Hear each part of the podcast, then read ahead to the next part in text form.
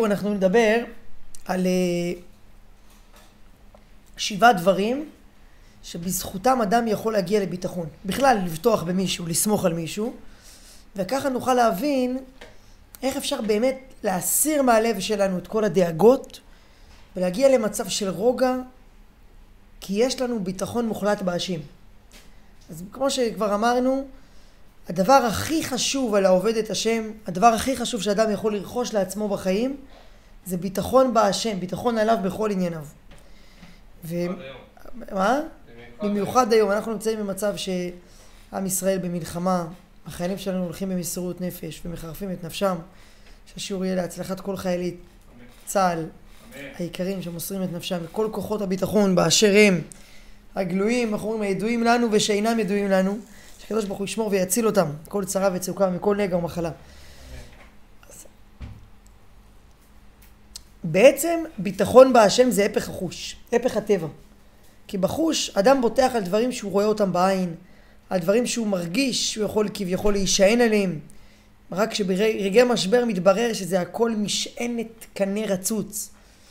הרבה אנשים בישראל אמרו לי, שנה שעברה, שהם בוטחים על אה, פוליטיקאי כזה או אחר, על הטכנולוגיה של ישראל, על צה"ל, אז החיילים, הרוח של צה"ל אין על החיילים שלנו בעולם.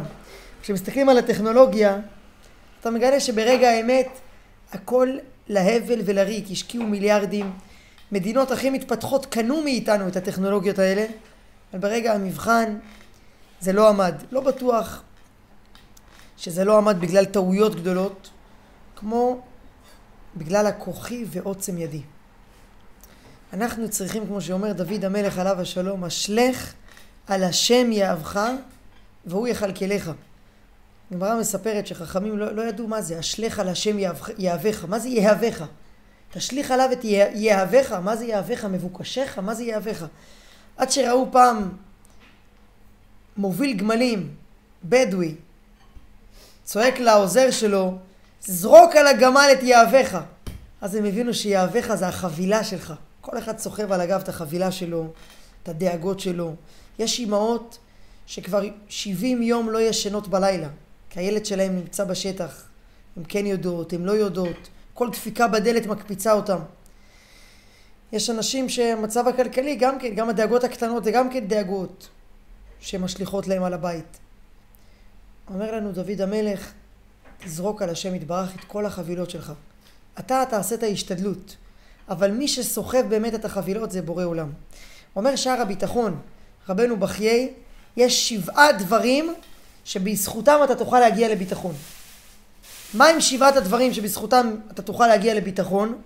אז נגיד את זה קודם כל במילה ואחר כך קצת נרחיב.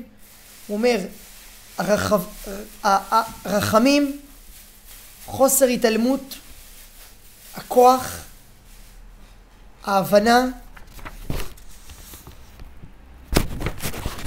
הבלעדיות.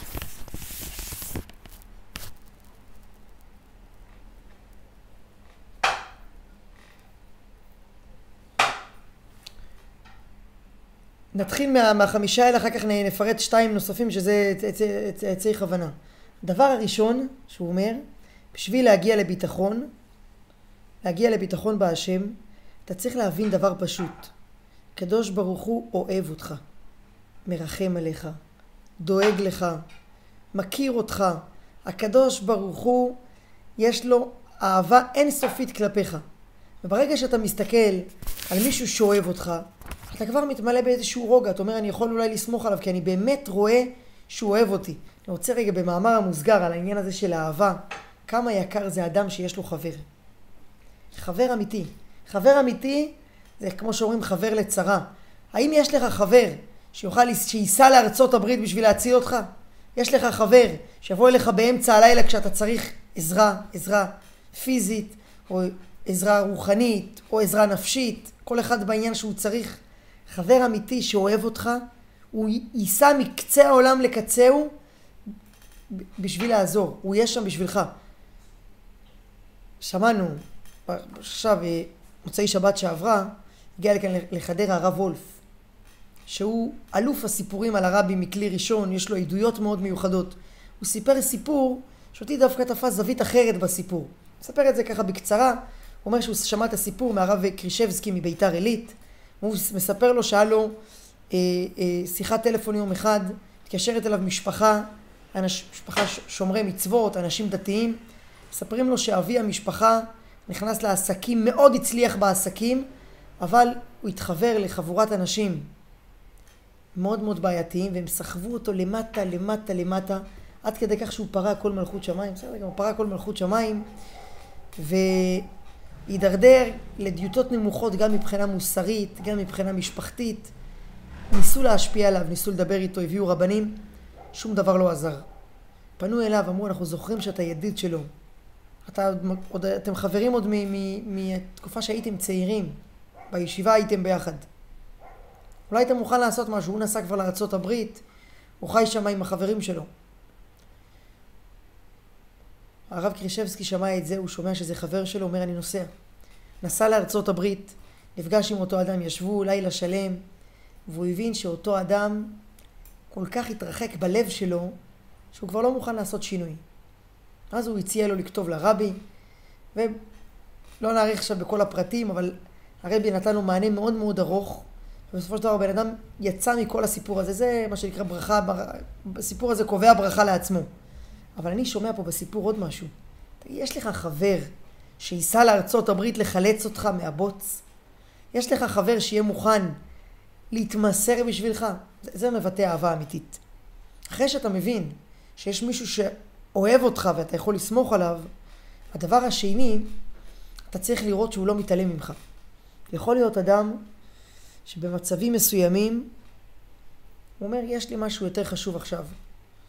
נכון, יש לי אהבה ויש לי חמלה, אבל יש לי גם את העניינים שלי. ובשביל לסמוך על מישהו, אתה צריך לראות ולהכיר בכך שהוא לא מתעלם ממך. שכשהוא קשוב לך, וכשאתה צריך ממנו משהו זה מתבצע מיד. באותו יום. הוא מיישם, הוא חושב עליך. ואם ביקשת ממנו משהו, אתה רואה את העניין כסגור, אתה יודע שאתה לא תצטרך לבקש אפילו פעם נוספת.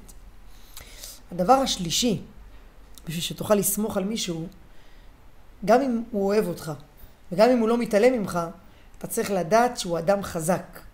מה זה אומר חזק? חזק זה אומר כוח הרצון. אם הוא רוצה משהו, זה יהיה עד הסוף, שום דבר לא יוכל לעצור בעדו. זה מה שגם כן אומר כאן. חובת הלבבות, שלושת הדברים האלו, אי אפשר למצוא את זה באמת בשום דבר בעולם חוץ מאצל בורא עולם. אהבה אמיתית, מישהו שבאמת אוהב אותך, זה בורא עולם, שהוא ברא אותנו, הוא עשנו ולא אנחנו, הוא אבינו. הדבר השני, שהוא חומל עלינו, והוא קשוב לנו, והוא לא מתעלם מאיתנו כאשר אתה מתפלל להשם, הקדוש ברוך הוא שומע את המילים שלך, מושיע אותך. הקדוש ברוך הוא גם חזק. זה יכול להיות הורים שמאוד אוהבים, והם לא מתעלמים מהילד, אבל ברגע האמת לא תמיד יש להם מה לעשות. היו עכשיו, בשמחת תורה היו הורים, יש לי היכרות אישית עם אבא, שהוא גר פה קרוב לחדרה, שהבת שלו הייתה תצפיתנית. שמעתי שהמשפחה בשמחת תורה קיבלו את העדכון מהבת. הם מקבלים את ההודעות. ואבא אדם חכם מאוד, אדם חזק, אבל אין לאל ידו. הוא מבין שהבת שלו נמצאת בצרה, חוץ מלהתפלל לבורא עולם, אין לו משהו נוסף לעשות. ברוך השם יצא, חזרה הביתה בשלום. אבל אתה צריך להבין שכל אדם, הכוח שלו מוגבל. לא כל בעיה הוא יוכל לפתור. האגדה מספרת על ילדה שישבה בטיסה, כל הטיסה פתרה תשבצים. ידע ישב איש עסקים גדול, ופתאום המטוס נקלע לכיס אוויר, היטלטל מצד לצד. כל הנוסעים נלחצו, חלק התחילו לבכות. הילדה נשארה שלווה, המשיכה לפתור את התשבצים. אחרי שהשרה חלפה, איש העסקים פנה אליה ואמר לה, אמר לה, ילדה, איך את היית כל כך רגועה בזמן שכולם צעקו והיו לחוצים? אז היא חייכה אליו, אמרה לו, אבא שלי הוא הטייס. הוא הטייס הכי טוב בארצות הברית. אני יודעת שאם אבא הטייס, אני יכולה להיות רגועה. אני המשכתי לפתור את התשבצים, ידעתי שהוא יצא מזה. אנחנו, אחרי שמחת תורה, נכנסנו לפאניקה, נכנסנו למשבר. יש הרבה אנשים שעדיין עוד לא קמו משם. כל המדינה עדיין בוערת. אבל אנחנו צריכים לדעת שהקברניט זה בורא עולם. אבא שבשמיים מוביל אותנו, והוא בעל הכוח. הוא יש לו את האפשרות להושיע אותנו, ולרגע אחד העניינים לא יוצאים משליטה. הדבר הרביעי ש- שאדם צריך להתבונן בשביל להגיע לביטחון, אחרי שדיברנו על האהבה והרחמים, אחרי שדיברנו על זה שהשם קשוב לך ולא מתעלם ממך, וראינו שיש לו את הכוח, יש פה דבר נפלא. ההבנה מה טוב לך. יש פעמים שהדבר הטוב למישהו זה לעבור את הקושי, לעבור את המשבר. אנשים שקרובים אלינו לא תמיד יודעים מה הדבר הנכון לנו. לפעמים אדם צריך לשמוע מילה רכה, חמלה, אמפתיה. לפעמים אדם דווקא צריך לשמוע איזה מילה קשה, שמישהו ינער אותו, מישהו ירומם אותו, מישהו יתבע ממנו. אותו דבר גם במישור הפיזי. היה כאן, היה כאן בארץ אישיות ציבורית מפורסמת, שהוא סיפר אחר כך, הוא עבר תאונת דרכים, משהו קל. האוטו התרסק, הוא יצא משם ברוך השם בחיים, לא קרה לו כמעט שום דבר, הלך לעשות בדיקות. במהלך הבדיקות הרופא חשד במשהו. הרופא שלח אותו לבדיקות יותר מקיפות. מסתבר שגילו אצלו את המחלה ההיא, השם ישמור. גילו אותה אבל בשלב כל כך מוקדם, שהצליחו ברוך השם למחוק את זה לגמרי עוד בטרם עת. לפני שהיא תשלח גוגרות ופארות, השם ישמרנו.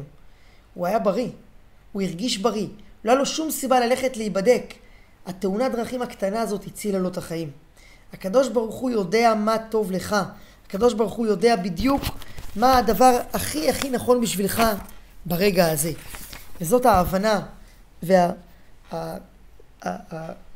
והמשקפיים שיש רק לבורא עולם. אף אדם לא יוכל להבין את התמונה המלאה, להבין מה באמת הדבר שטוב עבורך ברגע הזה וביום הזה.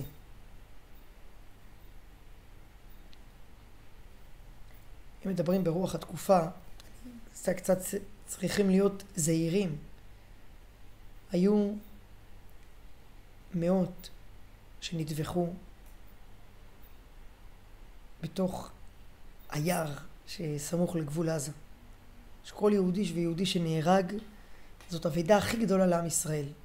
אבל בתוך כל הכאוס הזה, בתוך כל הכאב הזה, אפשר כבר לראות קצת את הרחמים. היו פה קבוצות שלמות של מחבלים שהיו להם כתובות, היו להם בסיסים, היו להם כתובות אישיות של בכירים מהדרג הבכיר ביותר בצה"ל. היו להם כתובות של בסיסים רגישים. הם תכננו להגיע למפעל טקסטיל בדימונה, להגיע אפילו קרוב לשם. שמי יכול לשער מה היה אם הם היו אפילו רק מתקרבים, איך זה היה מוריד את המורל של העם, לאיזה מידע הם היו יכולים להגיע. ההסתבכות שלהם בתוך היער, הם ראו קבוצת חוגגים ונכנסו, ככה לפחות היום טוענים, שהרבה מהאנשים, מהמחבלים שנכנסו לתוך היער לא ידעו מהמסיבה. הם שינו תוכניות. אז למעשה, אותם חוגגים שנהרגו, הם בגופם הגנו על עשרות אלפי יהודים. שהשם ישמור היה לא תהיה, מה היה יכול להיות? זה שבצפון עדיין העסק, אה, אה, כמו שאומרים, בעצימות נמוכה, זה גם כן חסד של השם. שנותן לנו אפשרות לנקות זירה ולהמשיך לזירה הבאה. אז אנחנו לפני שממשיכים הלאה מקדישים את השיעור הזה לעילוי נשמתו של הלוחם שאנחנו לא שוכחים אותו, בוריס בן, בן בוריס בן בל על משפחת דנילוב, הלוחם היקר, שכן שלנו כאן, כמו אח לנו, שהקדוש ברוך הוא ישים, את, ישים אותו, יצרור בצרור החיים את נשמתו, מגן עדן במקום הכי גבוה, ושהקדוש ברוך הוא ישלח כוח לאלמנה ולכל המשפחה להתעודד ולקום מהאסון הנורא הזה, מהשבר הנורא הזה. אני רוצה להקדיש גם לעילוי נשמתה של סבתי, שהיום אה, פקודת שנתה, יום יום היורצת שלה, אה, פייר אל פנינה, בת הרב אברהם משה, שהיא כל החיים הייתה חדורה בביטחון בהשם. אין עוד מלבדו, זה היה המילים, שלושת המילים שהיו הכי שגורות הלשונה. אין עוד מלבדו, אין עוד מלבדו, כמו שהיא הייתה אומרת, השרישה בנו את האמונה, אמונה בהשם, אמונת חכמים, ביטחון בהשם, שמחה. אז בעזרת השם שהדברים האלה גם יהיו לעילוי נשמתה. ולהצלחת כאן, להצלחת בעל הבית דוד סרגי בן אינגור ישראל וכל משפחתו, שהקדוש ברוך הוא יוביל אותם, וינחם בדרך הישרה, וימלא השם משאלות ליבם לטובה ולברכה. אז מיד אנחנו ממשיכים לדבר החמישי. שהדבר החמישי, אתה בוטח במישהו, ככל שהוא מלווה אותך יותר זמן, והוא הוכיח לך שהוא באמת איתך, הביטחון שלך עליו מתחזק. אין עוד מישהו כמו בורא עולם שמלווה אותנו, מרגע לידתנו ועד היום. גם כשהיינו תינוקות וגם כשאנחנו בוגרים. גם כשאדם הוא כבר בן שלושים, שהוא יכול לקחת את אימא שלו לבנק, והוא לא צריך שאימא תיקח אותו לבנק. הוא יכול אה, אה, אה, להוציא אישורים בשביל ההורים, ולא ההורים מוציאים אישורים עליו, הוא כבר מרגיש עצמאי ומלך העולם, הוא יודע שבורא עולם נמצא איתו בכל חתימה, בכל חוזה, בכל תקרית, בכל עניין בריאותי, בורא עולם נמצא איתו מרגע לידתו ועד היום הזה ממש. זאת ההתבוננות החמישית שאדם צריך להתבונן, מי מלווה אותך כל רגע? מי היה איתך ברגעים הקשים? מי נמצא איתך ברגעים של האושר? הדבר השישי, האם יש עוד מישהו שיכול להתערב, להיכנס לתמונה, להכניס פה פתאום פלונטר, להכניס צרה, או הפוך להושיע, להושיע אותך מצרה? אם אין אף אחד שיכול להגן עליך, ואין אף אחד שיכול להזיק לך, אלא רק אותו אחד שאתה בוטח עליו, הביטחון שלך עליו יהיה אבסולוטי, יהיה מוחלט. אתה פתאום מבין שאין לנו על מי להישען, אלא עליו. והיחיד שיכול להיכנס לקטגוריה הזאת זה רק בורא עולם.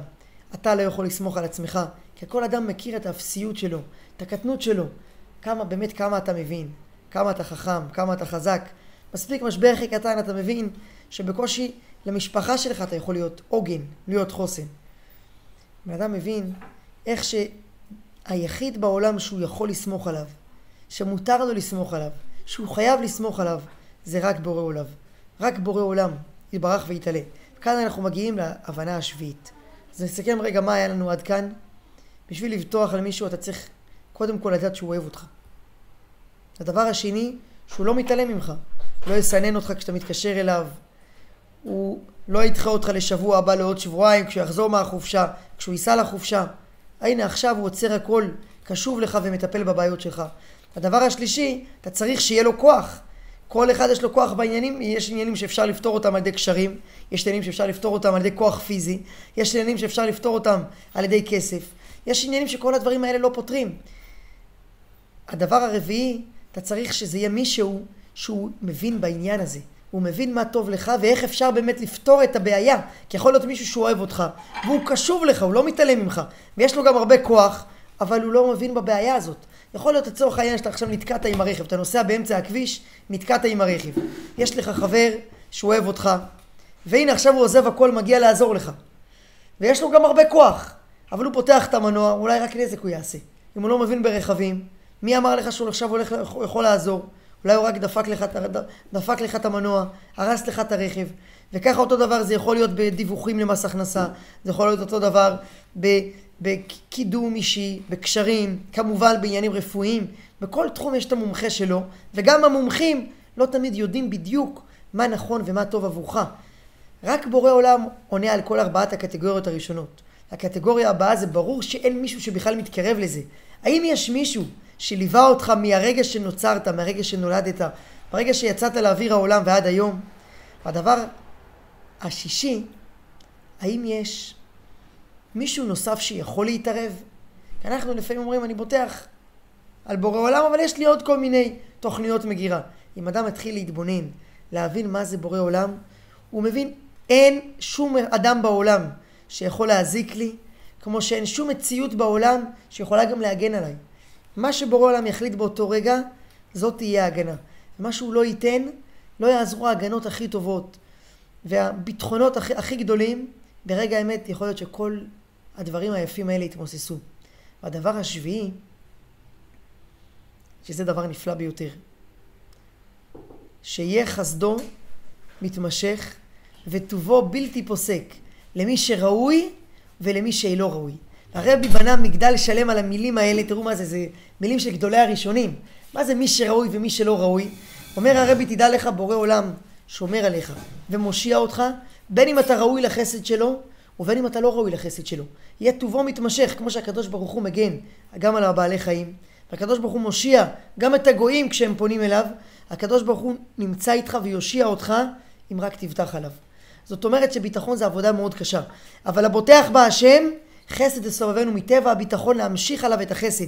שיהיה מי שעליו הוא בוטח בתכלית הנדיבות והחסד. למי שראוי לעשות את בקשותיו, וגם למי שאינו ראוי, שנזכה בעזרת השם להיות מהראויים שנזכה שהקדוש ברוך הוא, שאנחנו כל כך בוטחים עליו, יושיע אותנו כבר מהגלות הקשה והמרה הזאת. ישלח לנו את משיח צדקנו ותקף ומיד, ממש, לפי כל הסימנים זה הדור שלנו. נזכה לזה תקף ומיד. אה? אנחנו כבר בפסח האחרון. לפני 30 שנה הרבי אמר על הרב מרדכי אליהו, זה... עכשיו זה קורה. שימשוך את הגאולה פנימה. היום הצופים מהבית, כל הזה, אה? איפה, מה קרה? יש איזה מונדיאל היום? מה קרה? אנחנו נלמד קצת, נראה את זה, אז אני מקסימום אוהב את הגאולה. לא, אני אגיד לך היום עד עשרה לק, יש לי אירוע.